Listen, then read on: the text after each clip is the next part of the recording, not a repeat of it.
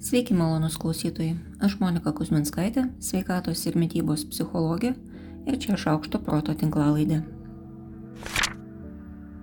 Šiandien rekomenduoju tokią knygą - Tuščiais lapais - popierinę ar elektroninę. Knygą, kurią rašysite jūs patys. Siūlau labai rimtai. Jei dar nebandėt, išbandykit užrašus. Vadinkit dienoraščių, žurnalų, pastabomis, kaip tik norit. Nerašykit faktų to, kas jums įvyko, rašykit tai, ką galvojat. Klausimais, priekaištais, nuoskaudomis, džiaugsmais, bet kokią formą, kokią jūsų mintis gimsta. Kartais gal reikės grįžti atgal ir peržiūrėti, ką parašėte. Kartais norėsis išplėšti ir išmesti, kas nebūtinai yra bloga mintis. Tai puikus būdas pakurienti ir nukreipti vidinius aktyviai sąmonėje jau nebepasiekiamus procesus, kurie gali atnešti jums sprendimus, atsakymus ar ryšto. Išbandykit tuščią knygą.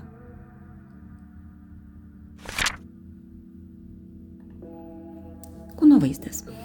Tai kaip jūs atrodot iš tiesų ir kaip įsivaizduojat, kad atrodot, yra du skirtingi dalykai. Jūsų įsivaizduojama išvaizda, jūsų savęs atvaizdas savo vaizduotėje, vadinamas kūno vaizdu. Tiek daug vaiz, kad net pilnasi ližuvis. Pozityvus kūno vaizdas, teigiamas savo išvaizdos vertinimas dažniausiai reiškia, kad savo kūne jaučiatės gerai, esat patenkinti savo išvaizdą, o pats kūno vaizdas yra daugmaž tikslus. O štai neigiamas kūno vaizdas prastai kelia problemų. Žinoma, jeigu žmogus įsivaizduoja, jog sveria 20 kg daugiau ir jam ar jai tai svarbu, jis ar jie jausis visiškai kitaip, galvos kitaip ir galiausiai elgsis kitaip. Jis ar ji netaip supras savo pastangų rezultatus, nes vis nematys, kad kūnas tvirtėja ir darosi sveikesnis, nes įsivaizduos save vis dar tokį pat ar tokią pat. Arba dar blogiau. Žmogus ima ieškoti įrodymų aplinkinių elgesyje, kad jie vertina, teisę, bjaurisi to kūnu, kuris yra įsivaizduojamas. Žmogus ima nerimauti dėl būsimų situacijų, kuriuose reikia susidurti su kitais žmonėmis, kurie įsivaizduojamai neigiamai vertins jį ar ją dėl tos įsivaizduojamos blogos išvaizdos. Silpnėja pasitikėjimas savimi, žmogus gali imti badauti ar sekinti save dietomis ar didžiuliais fiziniais krūviais. Sergantieji anoreksija net veidrodėje save mato kitokių kūno formų nei yra iš tiesų ir vis dar mato save turinčius nereikalingų riebalų. Panašu, kad labiausiai dėl neigiamo kūno vaizdo reikėtų kaltinti photoshopinę mediją.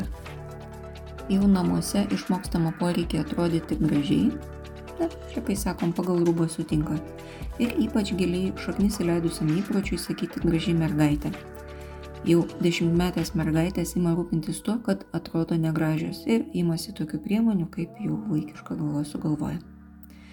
Tokio mąstymo nepataiso ne tai, kad visas pasaulis žavisi to žmogaus, aktoriaus ar modelio išvaizdą. Būtent modelių tarpe labai didelis susirūpinimas ir neteisingas savęs vertinimas yra tikrai labai smarkiai paplitęs. Na ką, dar sėkiu galima priminti, kad tai, ko tikite, nebūtinai yra tiesa. Todėl atsargiai galvokit ypač apie save.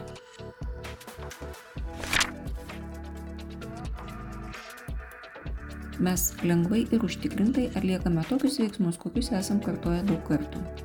Būtent šia mintimi pagrįsta viena puikiai technika, kuri naudojama tyrimuose. Ir aš laikau sukryžiavus viską, ką galiu, kad vieną dieną toks įrankis atsirastų ir plačiajam naudojimui. Technika yra tokia. Nepageidaujamus, netinkamus, nesveikus ar kitaip neigiamus maisto produktus reikia stumti tolyn nuo savęs, o pageidaujamus traukti artin link savęs. Už teisingai atliktus veiksmus suteikiami taškai. Na, vadinasi, gaunam dopamino. Taip stiprinam norimam sprendimui reikalingus neuroninius ryšius ir kai realybėje reikia atsisakyti labai gundančio patiekalo, na, tam jau tada turime ištreniruotą mintinį raumenį. Šis tyrimas yra vienas iš jau keleto, kuriame įrodoma tokios treniruotės nauda. Po trijų savaičių treniruočių pageidaujamas maistas buvo vertinamas pozityviau tokį maistą smegenys reagavo intensyvesnė elektrinė veikla. O nepageidaujamas maistas buvo vertinamas negatyviau, be to sumažėjo kasdienis užkančiavimas. Tokias treniruotės nesužadino slopinimo elgesio, tai yra nesužadino, nesumažino impulsyvumo ir nesustiprino maisto ribojimo, kas taip pat buvo vertinama kaip teigiamos pasiekmes. tokią treniruotę savo galim surenkti ir mes patys parduotuvėje. Iš anksto neigiamai kategorijai priskirtus maisto produktus atstumti, pavyzdžiui, paimti ir padėti atgal, ar bent jau jų neliečiant sąmoningai mintise jiems pasakyti ne, o teigiamai kategorijai priskirtus produktus paimti ar paimti kabutėse. Manau, kad tam visai gerai tinka ir elektroninės maisto parduotuvės, kur maisto krepšelį galit formuoti ekrane ir produktus realiai paimti ar išimti. Tik gaila, kad už tai negaunam taškų. Na, bet turbūt ir čia galim kažką sugalvoti. Ar turit minčių, kaip dar tokią treniruotę galit susiorganizuoti? Kiekvienas dalykas gali tapti naudingu įrankiu arba žalingu ginklu. Manau, kad tai tinka ir maistui, ir vaistui, ir šalia kitų dalykų skaitmeniniai erdvėjai. Kai mano mama buvo išvykus ilgam ir toli, aš laukdavau popierinių laiškų ir jie ateidavo su dienų pertraukomis. Mano mama tikrai rašė dažnai. Kai vėliau išvykau ten pat toli, galėjau rašyti kasdien beveik bet kada ir žinutė nueidavo akimirksniu.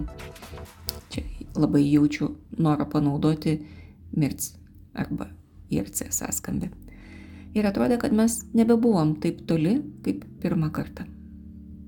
Tai jeigu gyvenimas susiklosto taip, kad nebėra galimybės bendrauti fiziškai, vis dar yra nemažai galimybių bendrauti skaitmeniniu būdu. Ir jų vis daugėja, ir jų tikrai nereikėtų vengti. Tai aktualu keliaujant, mokantis, sergant, kraustantis, ar turbūt ir kitose situacijose. Šiame tyrimė apibendrinti pagyvenusių žmonių socialinių tinklų vartojimo e, patyrimai Ir čia, man atrodo, įvardinta svarbi skaitmeninių technologijų funkcija - nelikti vienam psichologiškai. Tai yra būti grupės dalimi ir gauti palaikymą, kai fiziškai vienatvės atsiranda daugiau. Dėl įvairių priežasčių. Ką svarbu suprasti mums? Kad vyresnius galbūt reikia pamokyti, padrasinti, parodyti, kaip naudoti skaitmeninėmis technologijomis, taip pat, kad poreikiai gali būti ne tokie pat. Ne paskaityti, pasimokyti, pažaisti ar pažiūrėti filmų, bet pabendrauti ar net rasti su kuo pabendrauti prasmingai. Nes dalyvavimas komentatorių bendruomenėje kartais tokio jausmo gali ir net nešti. O tokių sidabrinių skaitmeninių bendruomenių man kažkaip atrodo nėra, arba jų yra labai mažai. O gal man atrodo neteisingai. Tai pasidalinkit nuorodomis, jeigu tokių žinot.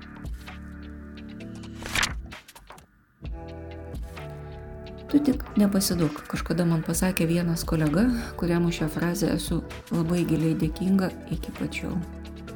Sunkiausiais momentais įvirto mano mantra, kurią nešiau suspaudus dėlne, nors visur kitur ir svaičiau žaibais ir gulėjau jau išdžiūvusiomis ašaromis išvagotų veidų tamsiausiam dugne.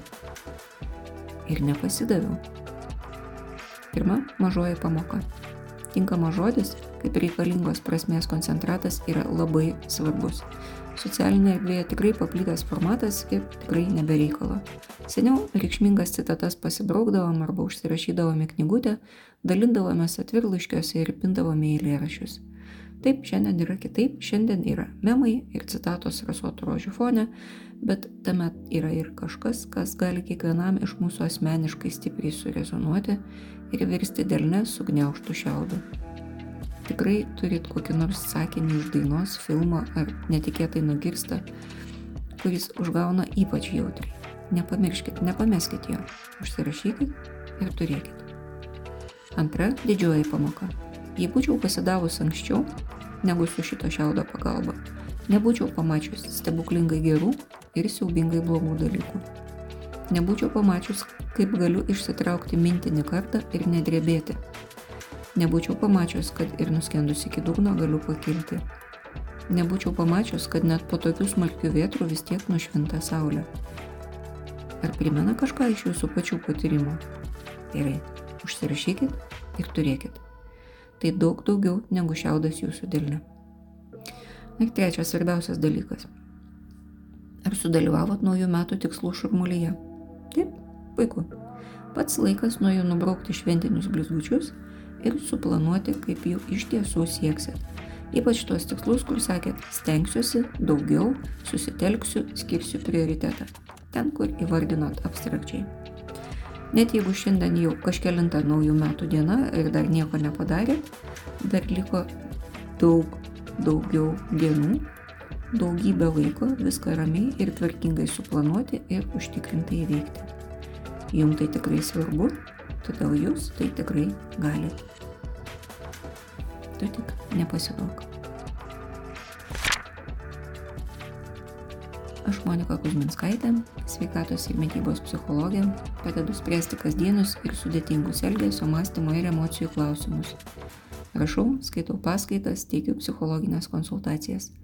Mane rasit socialiniuose tinkluose vardu Šaukštas Proto arba gyvai Vilniuje Goštauto gatvėje. Rašykit man asmeninę žinutę socialiniuose tinkluose arba elektroniniu paštu adresu šaukštas.proto atgmail.com cánticos y reminas.